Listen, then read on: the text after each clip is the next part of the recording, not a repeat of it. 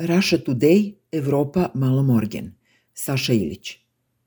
Ovako bi trebalo da glasi marketinški kredo multimedijalnog portala na srpskom jeziku Russia Today Balkan, koji je sredinom novembra pokrenula televizija Russia Today, najavljujući istovremeno dugoročni plan početka emitovanja svog programa na srpskom jeziku do 2024.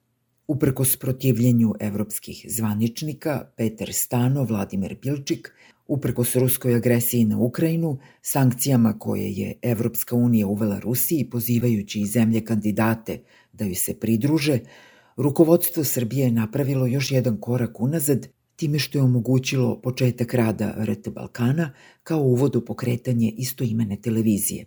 Sve je to učinjeno pod geslom odbrane medijskih sloboda, demokratije i ravnopravnosti svih glasova. Ovo je predsednik Vučić komentarisao još u vreme prolećne izborne kampanje, kada mu je opozicija spočitavala nameru da u Srbiji dozvoli rad televizije Russia Today. On je tom prilikom izjavio nešto što će ovaj ruski mediji rado citirati. Neki od nas hoće sve nas koji drugačije mislimo da strpaju u tabore, zabranili bi sve koji drugačije govore. Mnogi misle da samo oni imaju slobodu medija. Upravo ovim citatom je otpočeo rad Russia Today Balkan, jer ga je u svom uvodniku RT konačno i na Balkanu ponovila urednica portala Jelena Milinčić, koja je poslednjih deset godina provela u mreži RT, najpre u Moskvi, zatim u Berlinu i Parizu. Njena majka Ljubinka Milinčić, urednica portala Sputnik Srbija, svoju karijeru u zagrljaju sa Kremljom započela je kao ataše za kulturu pri ambasadi Srbije u Moskvi 2002. Nakon okončanja diplomatske misije, ostala je u Rusiji i okrenula se unosnom promovisanju lika i dela Vladimira Vladimirovića Putina u Srbiji, gde je objavila dve knjige. Vladimir Putin, Moja bitka za Kosovo 2007. kao i Fenomen Putin, čovek koji je stvorio sam sebe, uz koju je išao i poklon DVD sa promotivnim videom Putin Superstar. Milinčić je u tim projektima nastojala da brendira lik Putina kao muževnog lidera koji je lep, ume da donosi odluke, siguran je pouzdan i ruši sve stereotipe u Rusima – Ukratko, kao muškarac koji ne pije i ne bije, a slučajno je zainteresovan za odbranu srpskih interesa na Kosovu. Dakle, on nije Jeljcin, nije Gorbačov, nije ni Stalin, ali od svih njih baštini samo najbolje. Između ostalog, mnogo voli Srbiju. Svet se promenio, kaže Jelena Milinčić u svom uvodniku na portalu RT Balkan. Jeste, čitatelji su shvatili i pre njenog dolaska da su reči njene majke iz 2011.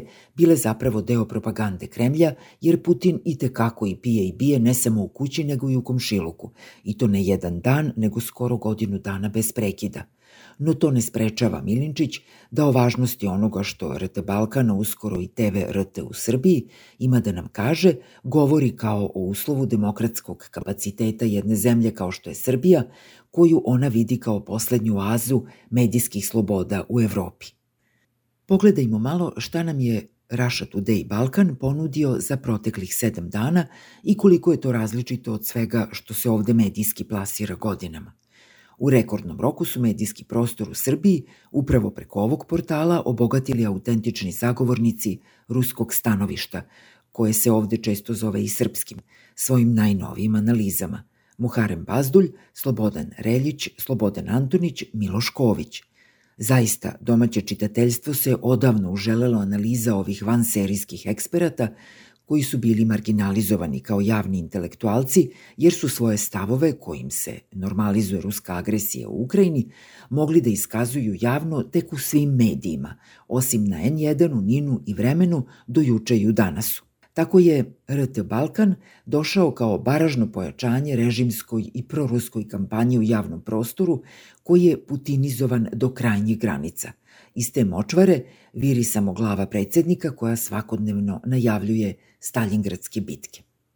U oazi medijskih sloboda za proteklih nedelju dana RT Balkan je plasirao teme o kosovskoj tabličnoj kataklizmi, o Kijevu kao isključivo ruskom gradu, ruskoj energetskoj superiornosti i strahu koji je zavladao Nemačkom usled najava restrikcija struje tokom nastupajuće zime – Spremaju se zalihe vode i hrane jer je već nastupilo vreme totalnog pomračenja. Recesija uništava Veliku Britaniju i Austriju, dok je kriptoberza doživala potpuni krah.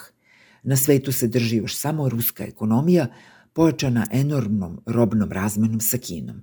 Prema tome građani Srbije nemaju razloga da se brinu oko evrointegracija, budući da tamo nema više ničeg potencijalno interesantnog za njih.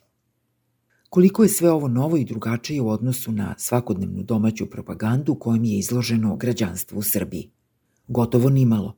Oni koji prate RTS, politiku, Happy, Novosti, Informer, Pink, Kurir, Nedeljnik mogu samo oberučke da prigrle RT Balkan i da se prepuste dobro poznatim ritmovima sa kojima počinju i završavaju njihovi dani. Promocije zločinaca, genijalnost ruske taktike u Ukrajini, širenje lažnih vesti, plasiranje teorija zavere, proizvodnja straha i veličanja autokrata samo su deo ovako modelovanog javnog diskursa – No ono što je najvažnije, bar tako javljaju mediji iz širokog spektra RT-a, činjenica je da se ovde ne može ništa uraditi mimo zakona. O tome se izjasnila i predsednica Saveta Rema Olivera Zekić kada su je pitali o dolasku RT-a u Srbiju. Ona se uz podsmeh osvrnula na reakciju evropskog poslanika Vladimira Bilčika, poredeći njegov komentar sa najavom invazije Marsovaca Orsona Velsa – Naime, Zekić i Rem, baš kao i Putin i Vučić, rade samo po zakonu, pa će i zahtev RT jednoga dana kada bude bio podnet biti objektivno i studiozno razmotren, svakako i odobren. Do tada REM će razmatrati samo zahtev Sputnika koji je pod maskom domaćeg medija registrovanog pod imenom Signal Media DOO predao zahtev za pokretanje ruske stanice na domaćem terenu. I dok poslanici u Remu marljivo rade, očigledno je da se ova ruska medijska invazija neće završiti odjavnom špicom koja nas obaveštava da se tu ipak radilo o dobro režiranoj dramskoj radio igri. Problem je u tome što je ta invazija normalizovana u gotovo svim ostalim medijima, jer svi oni potvrđuju verodostojnost Putinovskog rata svetova. Stoga nema mesta za paniku, jer u ovoj specijalnoj operaciji i mi smo postali deo marsovskih trupa u invaziji na Ukrajinu.